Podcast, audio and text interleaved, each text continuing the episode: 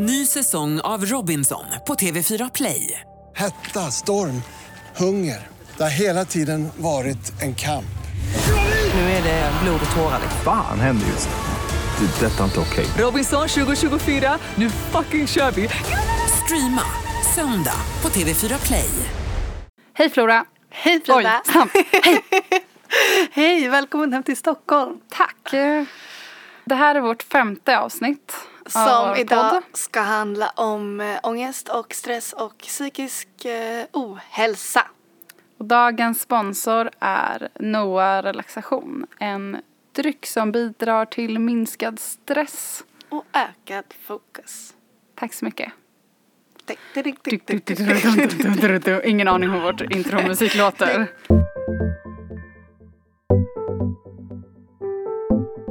Men jag tycker verkligen att det är så himla viktigt att ta sig själv på allvar, sina känslor på allvar. Jag måste prata med någon. Det här gör för ont. Jag vet inte hur jag ska hantera det här. Frida, jag, eh, jag är så himla glad att du är här typ. Eh, Jag trodde inte att du skulle bli 18 år.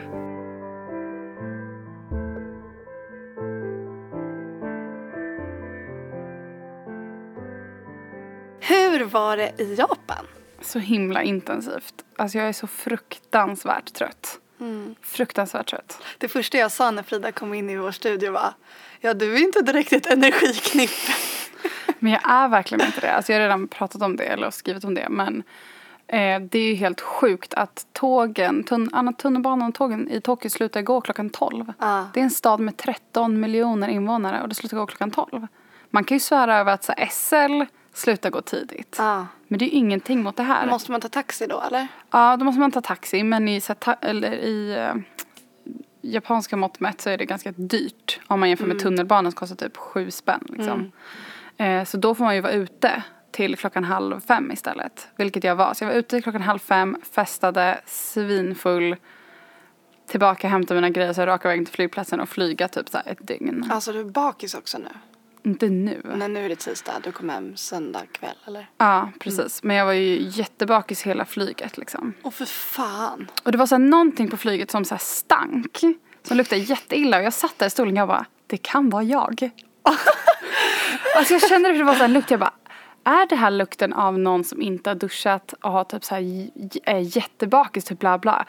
Så jag tog så här, gå in på toaletten och typ så här lukta på mig själv. Jag bara, men det är inte jag. Jag luktar inte så. Men det var ändå så här roliga minuter där jag bara så här, trodde att jag stank så mycket. Men fick du, eller kunde du få i dig flygplansmaten? För den är inte direkt så här sexig om man säger så. Den är inte direkt fräsch. Men jag tror inte att jag, jag var inte ett stadie att bry mig. De så väckte, väckte mig och så, så åt jag upp det bara. Jag älskar i och för sig flygplansmat.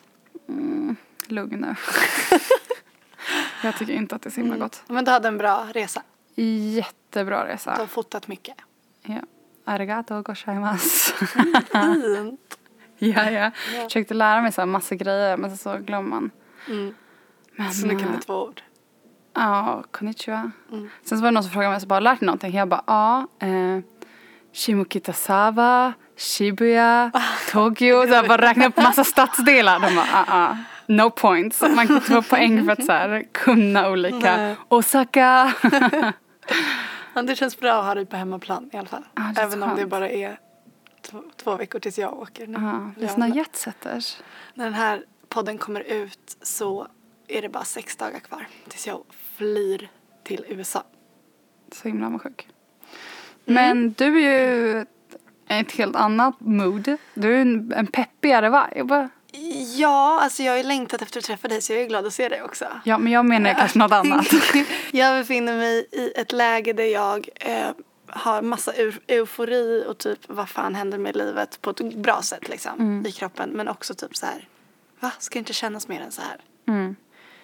Ehm, och det där, vi kan väl börja där kanske. På dagens tema på podden. Mm.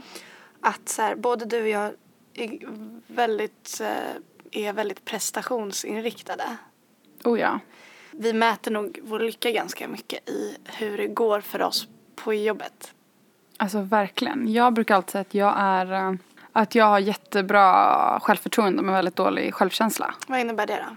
självkänsla är ju så här, hur känner jag i att vara Frida? Hur, hur tycker jag att det är att vara jag och hur mycket tycker jag att jag är värd i min egen person? Eh, och att jag kanske inte har jättehöga tankar alltid där. Men att jag har jättebra självförtroende som är mer kopplat till vad jag kan prestera och göra. Men problemet som jag känner och jag tror att många kanske känner igen också som är i sitt samma position är att om man har väldigt dålig självkänsla så att man försöker kompensera för det med att hela tiden prestera.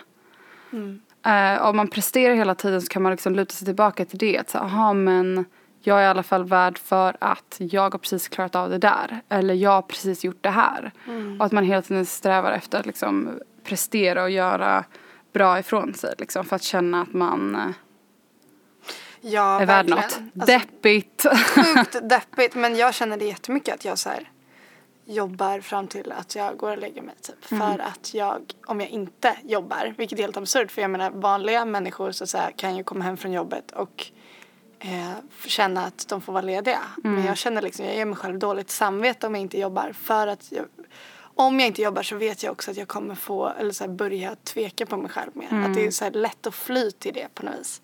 Vilket ju är väldigt destruktivt för att man tar på sig för mycket jobb och eh, man, jag, jag tror att det är väldigt lätt att man felprioriterar i livet liksom. Jag pratade med min kompis Kajsa om det häromdagen. Vi pratade om så mål vi har i livet. Och jag var så här, åh jag vill göra, jag vill bo ett tag i det här landet, jag vill eh, göra bokomslag. Alltså jag kom med massa så här, väldigt mycket som hade med min karriär att göra. Ehm, och när jag frågade henne så var hon typ så här, mm, jag vill bara må bra där jag är typ. Och jag var så här, men och det låter så här, det låter som en klyscha när man säger det som att bara så här, åh lev i nuet.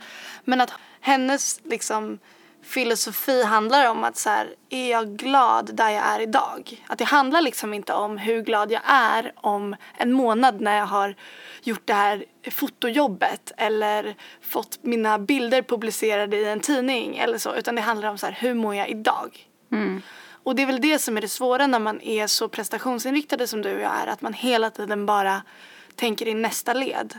Vad ska det här leda till? Åh, om jag får göra det här, då kanske då, då kanske, om jag får bli, mina bilder publicerade i den här tidningen, då kanske nästa gång jag får en, dem publicerade i en ännu bättre tidning.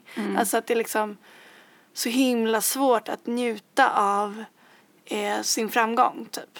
Så är det alltid. Och det, då kommer man in på den här klyschan. Det är resan, det är inte målet. Alltså att, Ja. att, att liksom komma fram till någonting. För när man väl kommer till den där toppen som man ser framför sig så är det aldrig lika det är aldrig lika fantastiskt som man, som man tror att det ska vara. Det är så jävla synd men jag tror också att det skulle kunna vara mer fantastiskt om man liksom börjar se på sitt liv annorlunda. Jag tror liksom inte att det är det definitiva svaret att det är inte så fantastiskt som det skulle kunna vara utan snarare så här att man måste gå in med en annan inställning.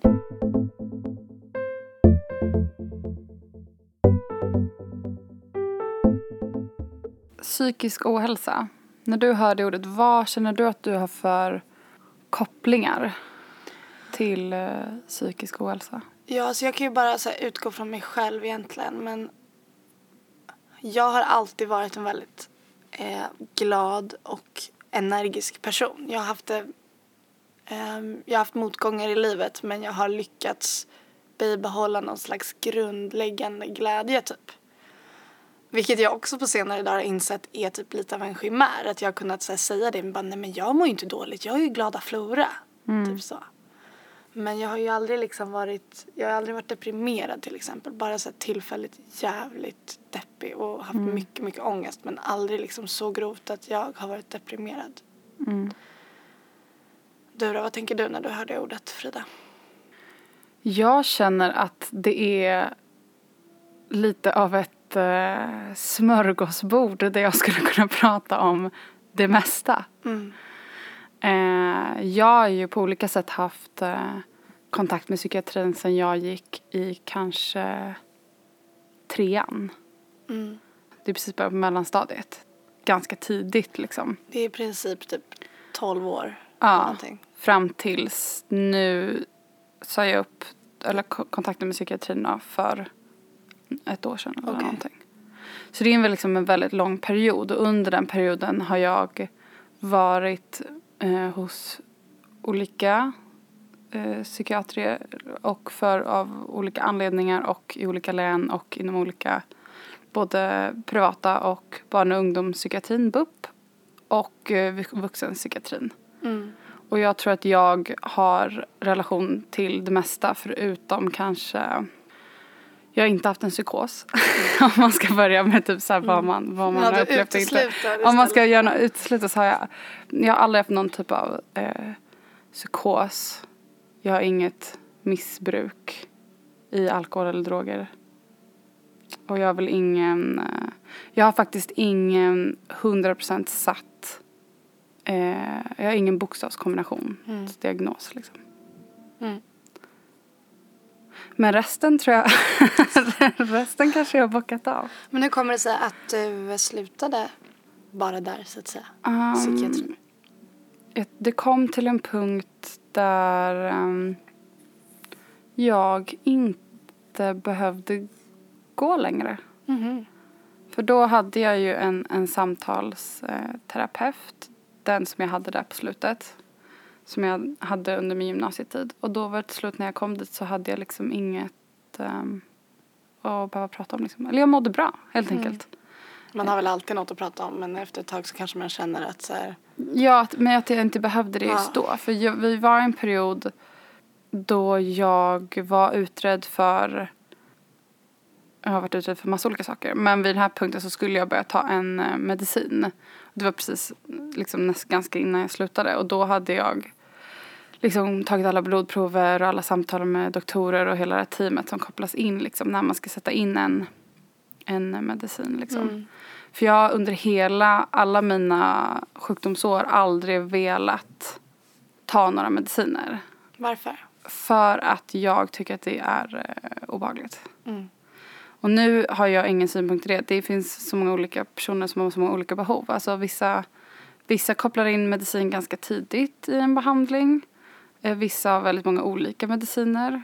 Mm. Eh, och vissa tar ingenting alls. Och jag har aldrig tagit någonting. Och det kanske var, skulle varit perioder i mitt liv där jag borde ha tagit någonting. Men eh, det, det jag var ute för, då skulle jag inte ha, det var inte antidepp. Utan då skulle jag ha tagit eh, vad ska vi säga, en sorts stämningsstabiliserande. Mm. Som gör att, för jag har ju haft både liksom väldigt många depressionsskov. Mm. Alltså jag har väl haft liksom ett, en djupare och längre depression typ en gång om året hela mitt liv. Minst en gång om året. Och även vissa perioder, alltså maniska skov. Även om inte så här, eh, de högsta typen maniska, jag har aldrig typ så här gjort något helt sjukt psykotiskt. Men ändå haft liksom maniska perioder. Eller lindrigare maniska perioder liksom. Eh, och då, Men du är inte bipolär? Jag har inte, jag eh, rör mig inom ett bipolärt spektrum, eller vad man ska säga. Men jag har, eh, Inte fått den definitiva diagnosen? jag har liksom inte på papper där det står exakt. Nej. Men jag vet ju att jag är där någonstans. Ja, jag och förstår. rör, jag rör mig i de krokarna. Ja, jag liksom. förstår. Så då var det jag på slutet skulle bli utredd, eller skulle ha börjat tagit om jag ville och var klar för att få någonting som, det är inte antidepp utan man kapar lite toppar och dalar liksom. Och Jag har blir en nära mer bara, familjemedlem som gick på det länge. Ja.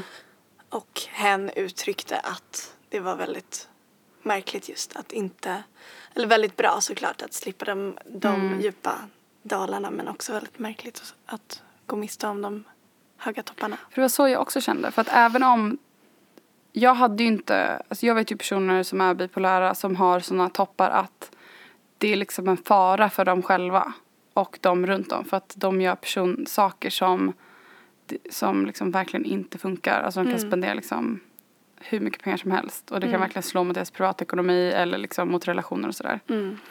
Den typen av extrema maniska perioder har inte jag haft. Att det har liksom slagit så hårt. Och då har jag trivts med att ha dem. Och det har väl också varit en anledning till att jag kanske inte ville medicinera väldigt länge. För att man måste liksom välja bort Jag förstår. båda.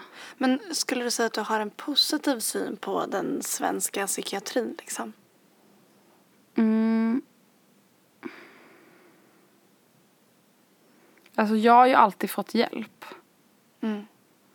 Jag upplever att jag har kommit till personer som har lyssnat och där jag har blivit hjälpt. Jag vet ju väldigt många såklart skräckhistorier om den svenska psykiatrin med folk som hamnar i kläm och de bara fastnar i olika utredningar och det blir bara mediciner. Eh, Så har inte min resa inom psykiatrin varit. Nej, alltså när jag hade en person som stod mig nära som, eh, som var, hade en, en väldigt allvarlig sjukdom och jag kände att jag behövde gå och prata med någon om det. Då ringde jag. Det, det var liksom BUP fast det var unga vuxna på något vis. Unga vuxna BUP. eh, och jag var så här, jag måste prata med någon. Det här gör för ont. Jag vet inte hur jag ska hantera det här. Och så fick jag liksom så frågor som var typ så här, ja men har du självskadebeteende? Och då sa jag nej. Och sen så sa hon så här, ja men har du någon gång velat ta ditt liv? Eh, och då sa jag nej, det skulle jag inte säga att jag har. Och då så sa, och så berättade jag liksom om min situation och att det var så här, jag mår skitdåligt. Eh, jag vet inte vad jag ska ta mig till. Och liksom var verkligen i upplösningstillstånd när jag ringde. Och det är också så här, en- alltså det krävs så mycket att våga ringa. Och så sa hon så här, okej men vi kommer återkomma inom en vecka. Eh, och jag var så lättad efteråt och var så här, okej bra, nu har jag gjort det här, gud vad skönt, snart får jag gå och prata med någon.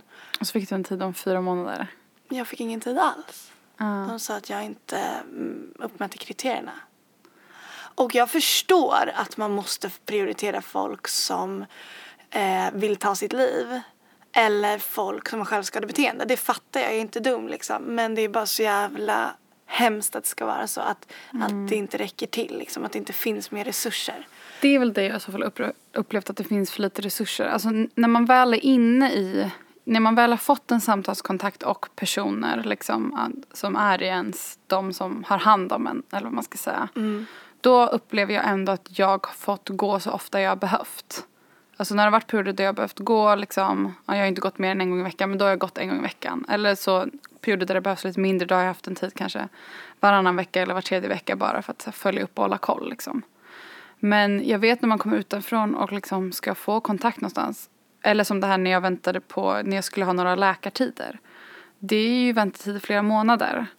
Och det är ju inte rimligt. Nej, för man måste ju fånga upp folk också innan det händer någonting. Exakt, och det är ju mycket mer, det är synd att det inte finns resurser att kunna ta hand om unga som kanske mår dåligt, alltså som kanske inte så okej, du kanske inte håller på och liksom vill inte leva längre.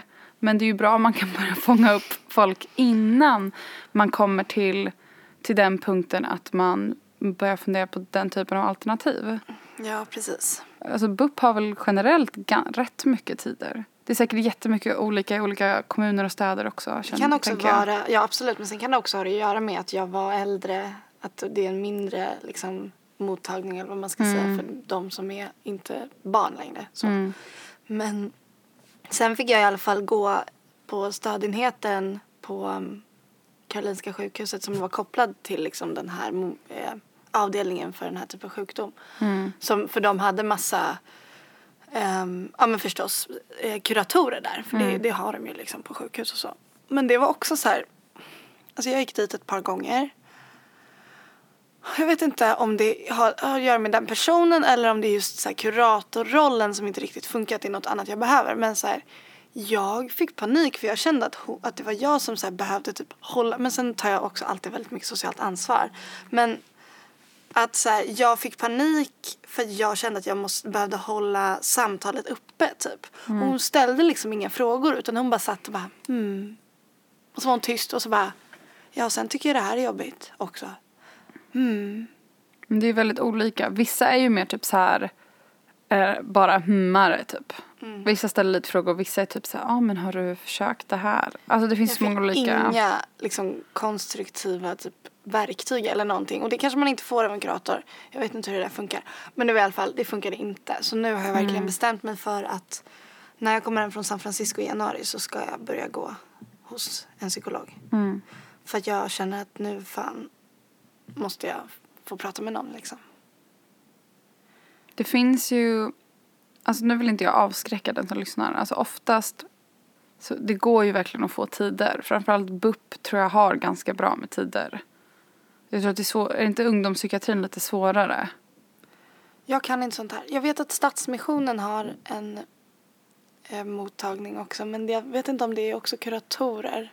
För man ska ju vara till en viss ålder. Jag vet inte om det är typ 19 eller 20 eller någonting. Och efter 19 eller 20-ish åldern då hör man till vuxenpsykiatri. Men innan dess då är det BUP man ska höra av sig till. Och det finns i, i hela landet. Och jag har ganska generellt ganska positiv bild av dem. Och om det är så att man inte vill höra av sig själv så tycker jag att man ska prata med en förälder eller vän eller någon annan som man får förtroende för som kanske kan hjälpa en att ta den kontakten.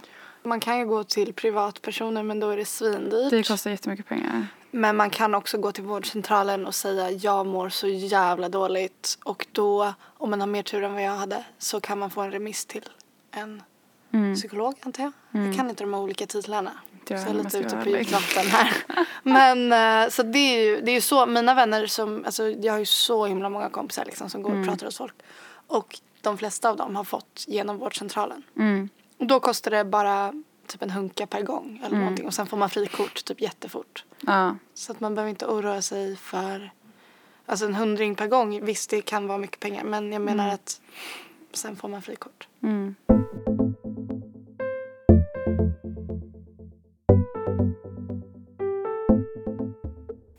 Jag var hemma hos min mamma innan.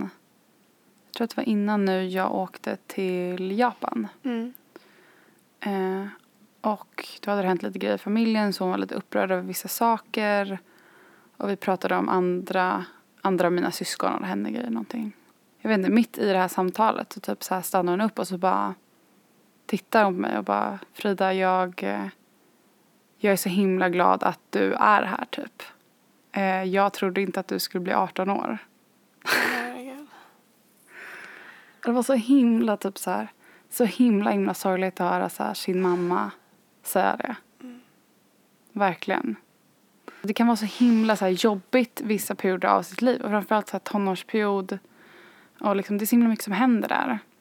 Det är ju inte bara hormoner och så utan det är ju det är en väldigt omvälvande tid. Det är typ så här, vad ska jag göra med mitt liv? Och det är så här kompisar. Det är liksom alla de här grejerna liksom.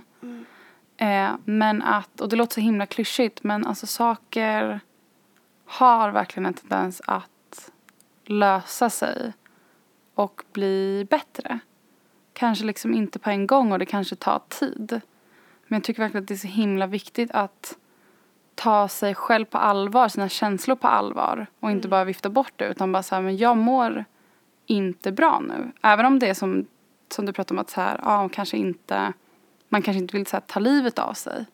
Men man kanske ändå känner att så här, jag mår inte bra nu. Och Det är att liksom, liksom. att- precis, och att försöka hitta sätt att eh, jobba med det. Trodde du själv att du skulle bli 18? Eh, ja, alltså, jag var lite förvånad när hon sa det för jag visste liksom inte att hon hade liksom tänkt så.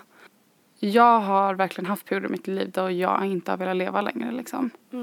Och nu känns det, det är det som är så himla sjukt med så här, såna här grejer att när man väl börjar må bättre då kan det vara så himla svårt att så relatera till de känslorna. För idag när jag säger att nu är jag väldigt så här, en välfungerande, glad människa typ. Så nu känns det så himla avlägset för mig att så här, tänka att jag har varit på en plats där man liksom börjar tänka i sådana banor att man liksom inte vill leva längre. Mm, Ja men det är ju så det funkar liksom att man Nu som sagt jag har inte varit i en depression men jag har när jag har liksom haft mina så här ångestperioder då just där och då så känns det som att man liksom så här kommer känna så för alltid att så här att man har kommit in i någonting som man inte kommer kunna ta sig ur. Mm. Men det är det som är det sjuka att sen helt plötsligt så finner man sig som du säger i en situation där man mår bra. Och att det är, så här, det är det som får mig att när jag mår dåligt, det är det som får mig att orka. För att jag vet så här, okej men när jag vaknar imorgon så kanske jag mår bra igen. Mm. Eller så här, kanske inte imorgon men kanske om en vecka eller om två veckor. Att det är så här, Alltså det, det är typ det enda så verktyget jag har. Förutom att typ så här, sen kan man göra andra saker typ typ så här, spick, sti, eh, sticka ut och springa eller typ äta glass eller typ bara ligga i sängen och gosa eller typ träffa kompisar. Men jag menar så här, när, man, när det kommer till typ hur jag försöker tänka så är det alltid det typ så här, snart vänder det. Bara klamra mig fast vid det. Så har jag också känt. Typ så här, jag har haft också väldigt mycket ångest i perioder. Både bara så här, ångest över att saker är jobbigt och liksom när man får eh, alltså panikångest. Liksom. Och då är jag alltid sen när jag känner att jag börjar gå in i en, liksom, en ångestfull period så börjar jag liksom försöka att parera mot det. Då vet jag till exempel att, att för att hjälpa kroppen så är det bra att så här, man ska inte dricka så mycket alkohol. Alltså det är liksom ingen bra kombo. Mår man inte bra psykiskt så ska man liksom inte addera, man ska inte addera alkohol. Jag har haft så många snedfyllor på sistone där jag har suttit och gråtit i Ja. olika gathörn för att jag har mått det är liksom, dåligt. Det är liksom inte värt det. Och jag tror, alltså generellt så försöker jag, alltså det är rätt när man, kom, när, när man kommer in i en sån här period så är det så himla enkelt att bara släppa taget. Att bara typ så här, man kanske vill bara röka och dricka och knarka och typ så här inte äta ordentligt eller äta skitdåligt liksom. Men det är ju inte det optimala för kroppen och hjärnan att försöka hjälpa till att hamna rätt. Så jag verkligen försöker så att inte dricka alkohol, inte röka, inte dricka kaffe.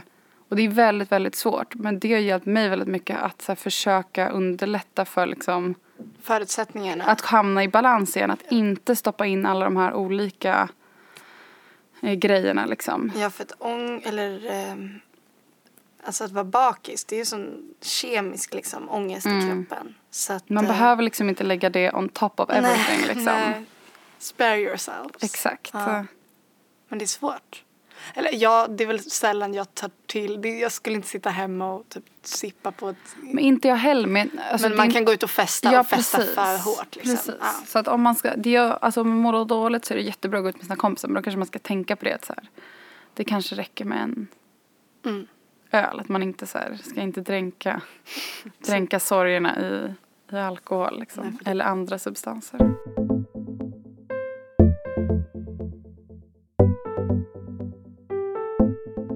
Vad är din relation till ångest?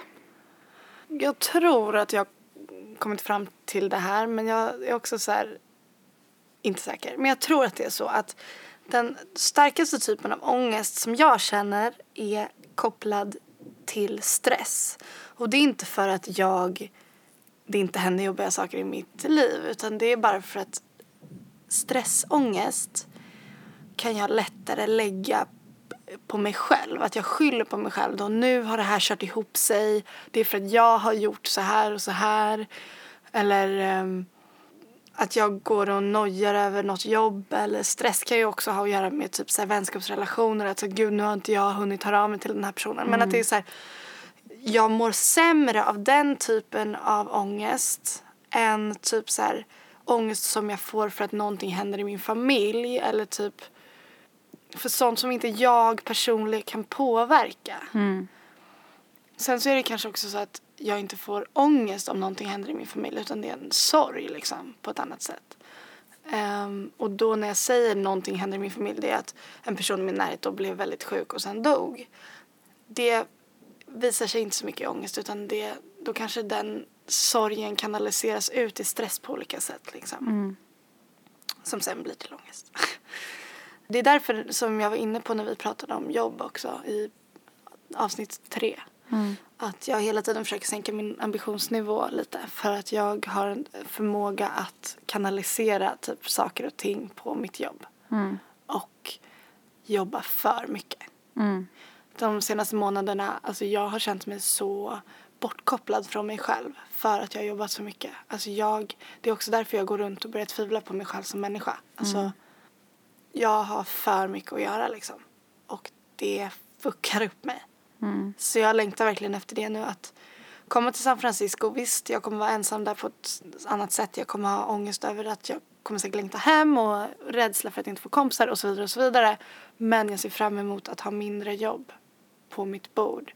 Och faktiskt också, hur mycket jag än kommer sakna mina vänner, så ser jag fram emot att inte känna den pressen att jag måste Alltså det ska bli skönt att slippa vårda mina kompisrelationer. Om du förstår hur jag menar. Jag fattar. Jag fattar. Det skulle bli jätteskönt. Jag fattar. Du då Frida, vad, vad är din, liksom, ditt förhållande till ångest? För mig har ångest varit väldigt kopplad till eh, framtidsångest. Alltså när jag fyllde 18 då typ grät jag.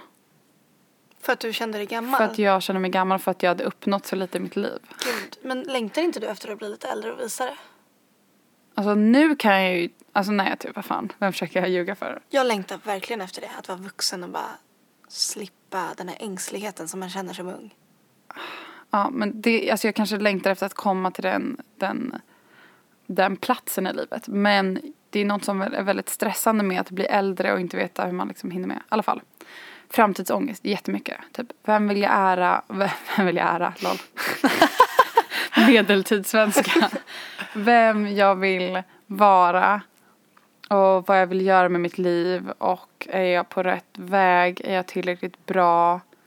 Tycker folk att jag är tillräckligt rolig att vara med? Tycker folk jag vill hångla med? Tycker de att jag är tillräckligt snygg? Typ är jag tillräckligt cool? Bla bla bla. Alla de här grejerna. Eh, sånt har... Kanske inte så mycket framtidsångest då bara utan ångest över Ångest över en själv och till. inte räcka till. Men Ja. framför allt väldigt mycket typ så här. Vad ska hända i framtiden? Typ så här, vad ska jag göra med mitt liv? Vem ska jag, vad ska jag göra?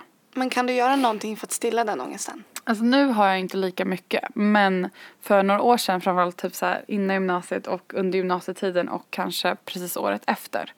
Då var det här en ångest som var helt paralyserande. Alltså jag kunde verkligen så här gå och lägga mig på kvällen och så kunde jag bara ligga och gråta och Matthew bara igen, en gång till. Eh, men nu har jag, känner jag att jag har liksom att jag har landat mer.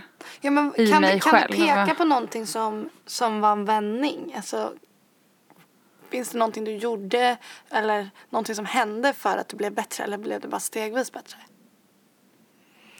Alltså jag tror att det beror på flera grejer. Dels tror jag att det bara är ett allmän typ inre trygghet och mognad. I- Inte lika mycket hormoner som spökar kanske också? Dels det, eller det kanske kan vara en Det grej. kanske är att förminska det. Ja, det är lite att förminska det. Och sen så tänker jag att så här, det är ju väldigt mycket hormoner som hän- händer i kroppen när man liksom är yngre. Men det är ju inte, Nej, det det är ju inte under, det är inte under så många års tid. Liksom. Nej, verkligen. Men det jag tänkt när jag försöker så här, kolla typ så okay, men vad är skillnad från under de här perioderna jag mådde så himla himla dåligt och nu. Så tror jag att det dels är ja, att jag har landat i mig själv mer, att jag känner tryggare, att jag känner mig tryggare i mig själv. Jag tror att det dels har att göra med, ja men kanske att, det kanske också har med hormoner att man, att det inte är lika mycket så här tonårsgrejs som händer i kroppen. Eh, jag kan tänka mig att det kanske också har att göra med att jag slutar med p-piller, kanske. Mm. Det har jag svårt att veta direkt. Jag tror också att jag mår mycket bättre av att jag börjar träna. Mm. LOL. Men det är ju, alltså när det handlar om stress och ångest så ge- ger ju träning väldigt, väldigt bra effekt på att eh, Gud, minska de, det som händer i kroppen ja. när Jag man tycker bär på fan inte mycket det stress. är LOL. Jag fattar att du säger LOL för att det är Nej, så jag här säger lätt inte att typ, LOL, men det är bara typ så här, alltså när folk har väldigt allvarliga liksom, psykiska sjukdomar och någon säger att man ska ta en nypa luft. Ja. Alltså det, är- Fan. det är det jag syftar på när jag säger LOL. Eh, och det är så att Men det, det är återkommande att så här, vara snäll mot sin kropp typ. Att, att ge sin kropp de bäst, bästa ja, att vara, förutsättningarna. precis.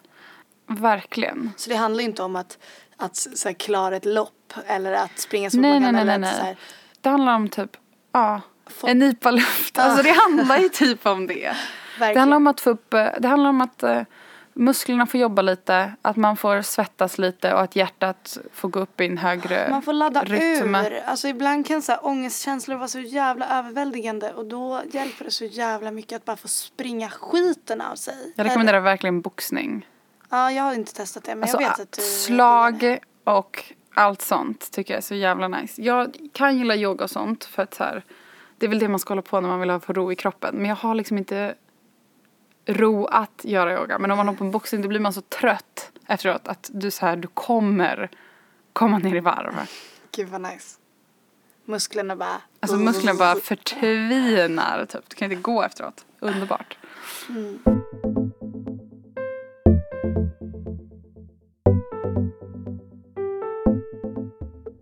Dagens sponsor är Noa Relaxation som är en dryck som bidrar till minskad stress och ökat fokus. Kan bland annat köpa den på Espresso House nu. Yes. Om man är sugen på att köpa den så tycker jag att det är jättebra att går man in på deras hemsida då kan man bara så klicka i vart man är någonstans och då berättar den vart man kan köpa den närmaste drycken. Tycker jag också att det är passande att ha dem som sponsor i det här avsnittet för att deras liksom grundvärden som de verkligen pushar för är ju att trappa ner så att säga, att liksom ta det lugnare. Att vara snällare mot sig själv och inte pressa sig själv att göra vad alla andra gör. Det är ju väldigt mycket fokus på liksom yoga och mindfulness och slow food och raw food och alla de här grejerna.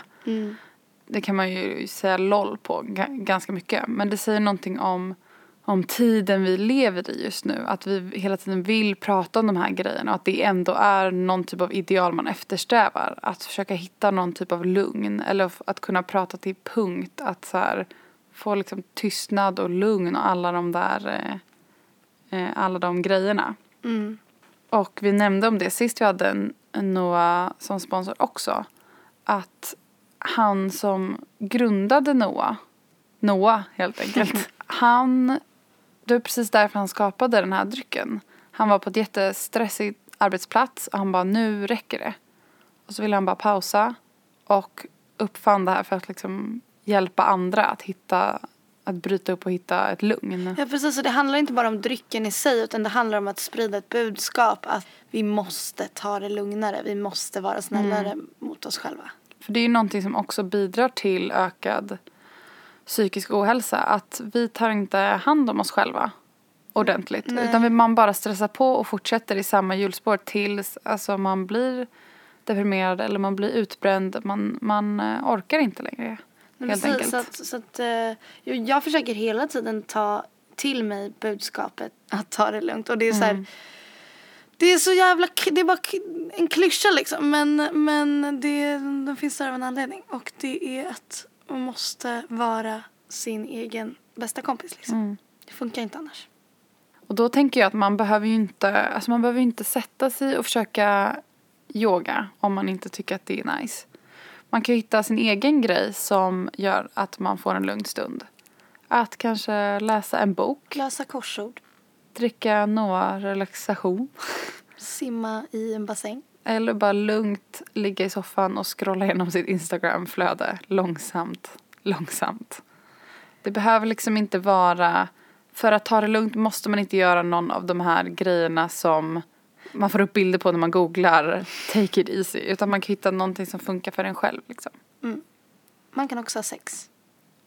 Noah relaxation kommer i två smaker som är inspirerade av den svenska naturen. Och det är dels fläder och rabarber och blåbär och björksav. Flora, Mm, det är jag. pick one. Vilken är din favorit av de två? Fläder. Är det? Varför då? För att den, är, den har så fin färg och den är så god. Jag gillar nog blåbär mer. Ja men vilken tur, då behöver vi inte fightas. Tack för att ni sponsrar oss. Tack så jättemycket Noah.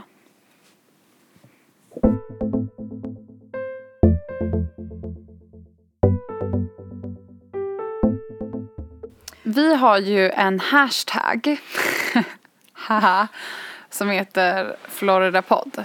Flowrida-podd. Precis, och vi har ju utlovat shoutouts till de som har eh, hashtaggat oss. Så att vi kör. Det är alltså ett helt gäng nu som varit jättegulliga och lagt ut jättefina bilder på när de lyssnar på den. Alltså jag blir så himla glad. Ibland när jag går in och så bara kollar jag så om någon ny har lagt upp. Ja. Då blir jag så himla Det är peppad. så fint. Så himla mycket nice frukostar folk äter. det är typ det jag verkligen. tycker titta på. Okej, nu shoutouts till Ellen Spångberg utan ett å, så det är Ellen Spångberg.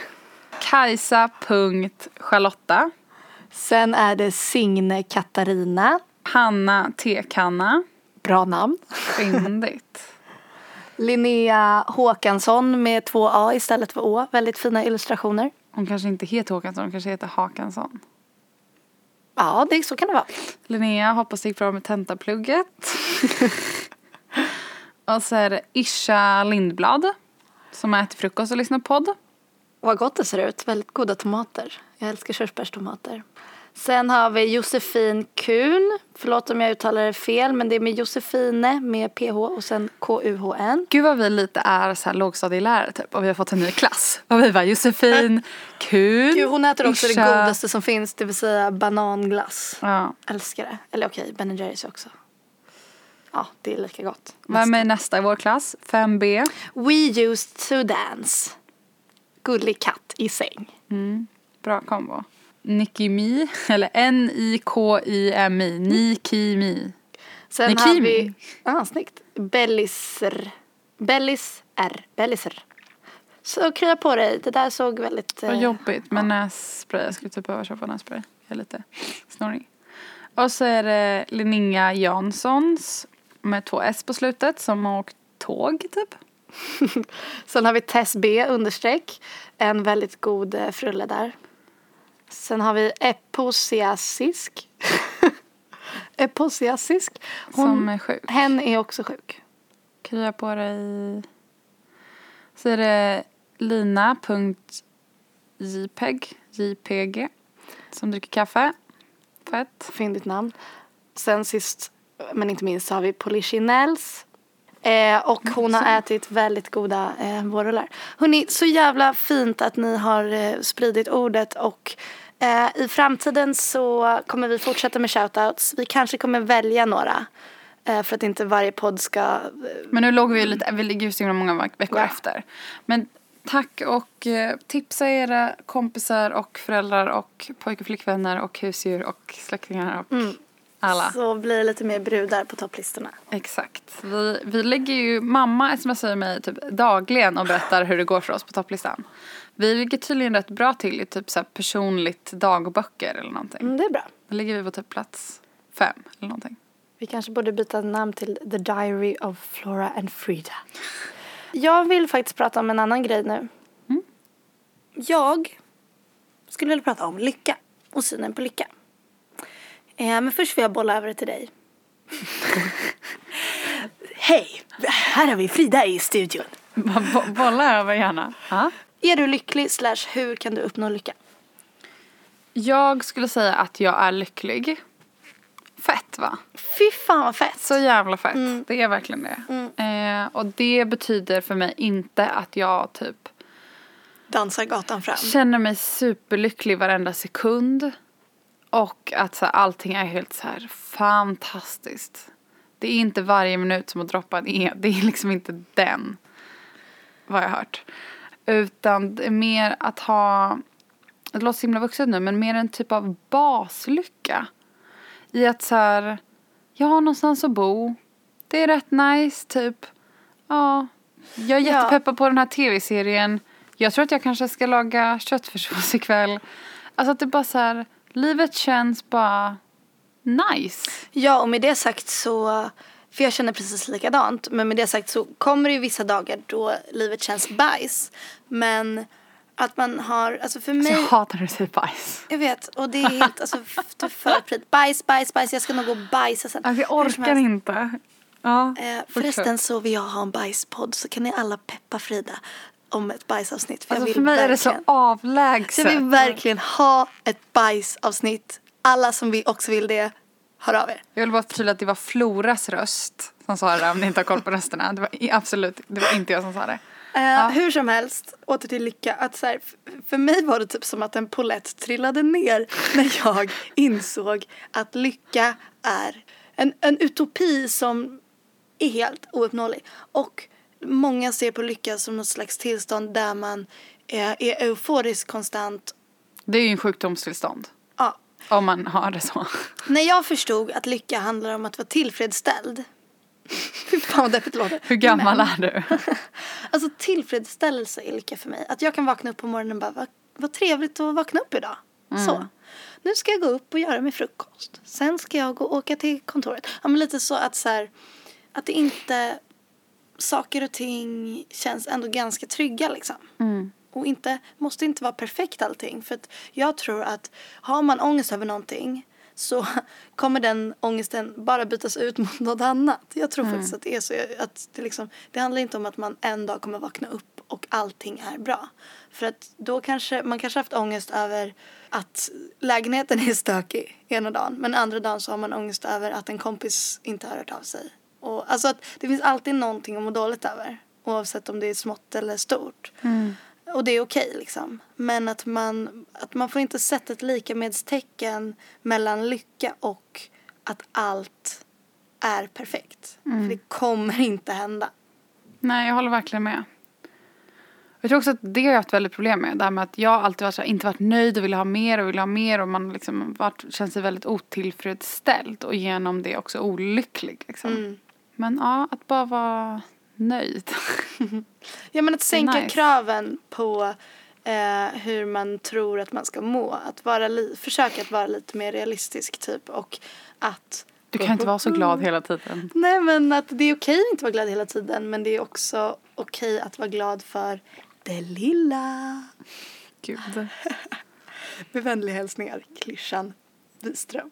Bolla vidare till. Jag får väldigt höra att jag är eh, klämkäck. Och Du är lite klämkäck.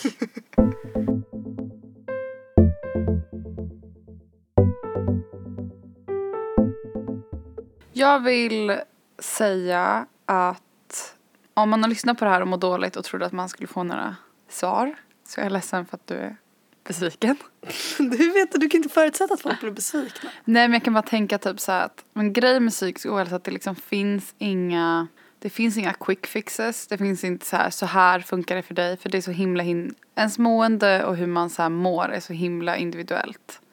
Och det enda jag kan säga är att liksom att jag tror på att försöka ta de känslorna på allvar och försöka hitta sätt som funkar för en själv att eh, långsiktigt må bättre. Och att våga ta hjälp. Om man inte klarar av eller vågar eller orkar höra av sig direkt till en instans. Liksom, att, eh, att kanske be någon annan hjälpa en. Verkligen. Vi kan ju lägga in telefonnummer och länkar till till exempel BUP och psykiatrin i våra bloggar. Så om man känner sig osäker eller sådär så kan vi ju länka det där. Ja, och om ni har tips på mottagningar eller så som ni rekommenderar så ni Tipsa i kommentarsfälten och hjälp varandra. Eller via hashtaggen. För att det här är, ett, det är en djungel av typ vad, hur mycket saker och ting kostar och hur man får hjälp. Alltså vad det, ah, hjälp varandra helt enkelt. Om man är religiös eller inte har något emot det så finns det väl präster är ju oftast väldigt välutbildade och kan väldigt mycket om krishantering och sånt.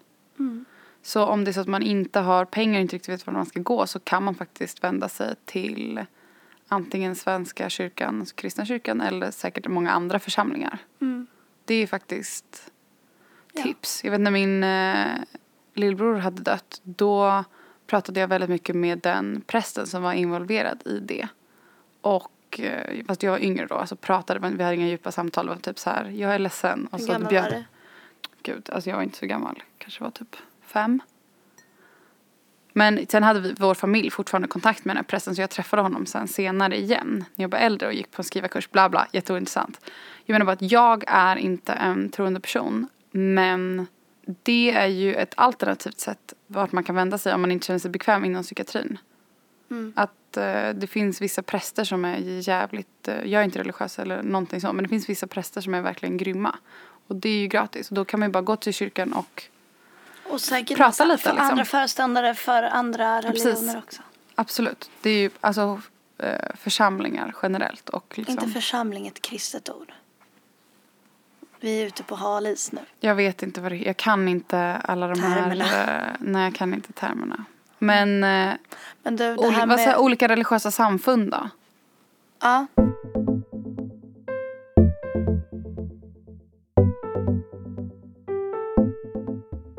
Jag var väldigt inte gammal. fem. Ja, Hur gammal var fyra, han? fem. Nej men han dog ju liksom precis när han skulle födas. Mm. Så att han föddes ju färdig men död. Eller vad ska Gud, det säga. måste varit så tungt för dina föräldrar. Jättetungt för mina föräldrar. Visste de att han var sjuk liksom? Nej, men han var inte sjuk. Eh, om man är gravid så finns det en sorts liksom, virus eller en förkylning man kan få. Och det, just den förkylningen den går vidare ibland till barnet. Och det finns liksom inga, den har liksom inga antikroppar som kan ta hand om det. Just den här grejen, bla bla. Så att det, han var verkligen inte sjuk utan han var klart och skulle liksom födas och sen dog typ. Så det var ju en färdig bebis. Ja, jag vet. Har han en eh, liten gravsten och sånt där? Ja, alltså vill du höra något riktigt så heartbreaking? Eller inte heartbreaking, det är fint. Eh, när mina föräldrar skulle leta efter gravkista, det finns ju inte, alltså kistor är ju väldigt stora. De, man gör ju inte så mycket kistor till bebisar. För att bebisar behöver ju oftast inte gravkistor. Eh, men då finns det såna här i skyltfönster och så, på begravningsbyrån så finns det skyltex för gravkistor som är liksom som en skokartong som bara visar hur kistorna ser ut. Så han begravdes i ett sånt provex liksom. Jag vet, det är så himla sorgligt. Men det är fint. Och något annat jättefint är att då gjorde mina föräldrar så här halsband, du vet så här brythalsband som är bästa kompisar. Som han fick ett runt sin hals och jag fick ett och jag har kvar mitt. Och hans, då fick de så här ta in det till en så guldsmed och så här ändra kedjan för att den skulle vara så liten, så liten, så liten. Så det finns så bilder på den kedjan är som liksom, det är, den är så pytte, pytteliten den här kedjan som han begravdes i.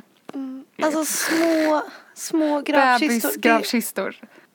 En annan grej mina föräldrar har berättat för mig är typ så barn, när man så bearbetar någonting som var, för det var ju väldigt traumatiskt för mig som barn liksom ändå. För att man är ju tillräckligt gammal för att förstå ganska långt efter.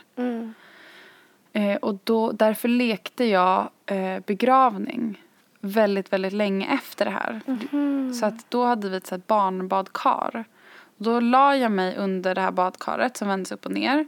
Och så fick mina föräldrar, eller vem jag nu lekte med, hämta blommor, lägga det på det här badkaret och sen sjunga är så makabert och det är så bra Alltså, min- också tror jag. Min mamma berättade efteråt att så här, min pappa grät så många gånger för att man klarar inte av en sån sak. Om du precis begravt din bebis och så skulle du så här behöva längtat om efter i nio månader liksom. Exakt, och då behöver du om och om och om och om igen i månader begrava din äldre dotter och sjunga psalmer.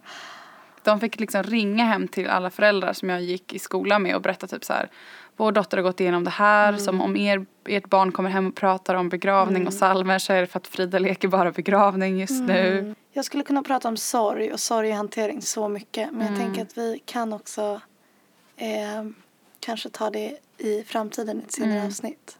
För annars kommer vi sitta... Dödsavsnittet. Döds... Ja, men faktiskt. Det kommer ett dödsavsnitt.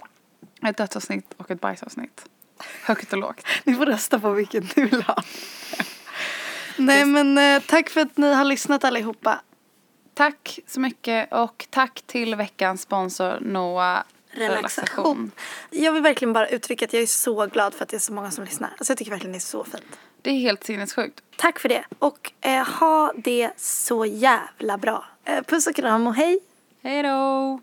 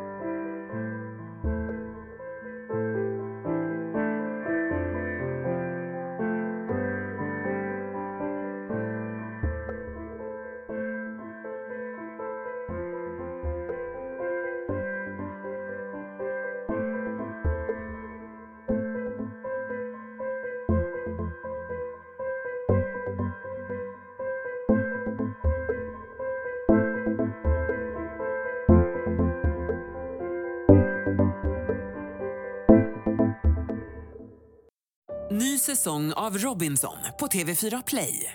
Hetta, storm, hunger. Det har hela tiden varit en kamp.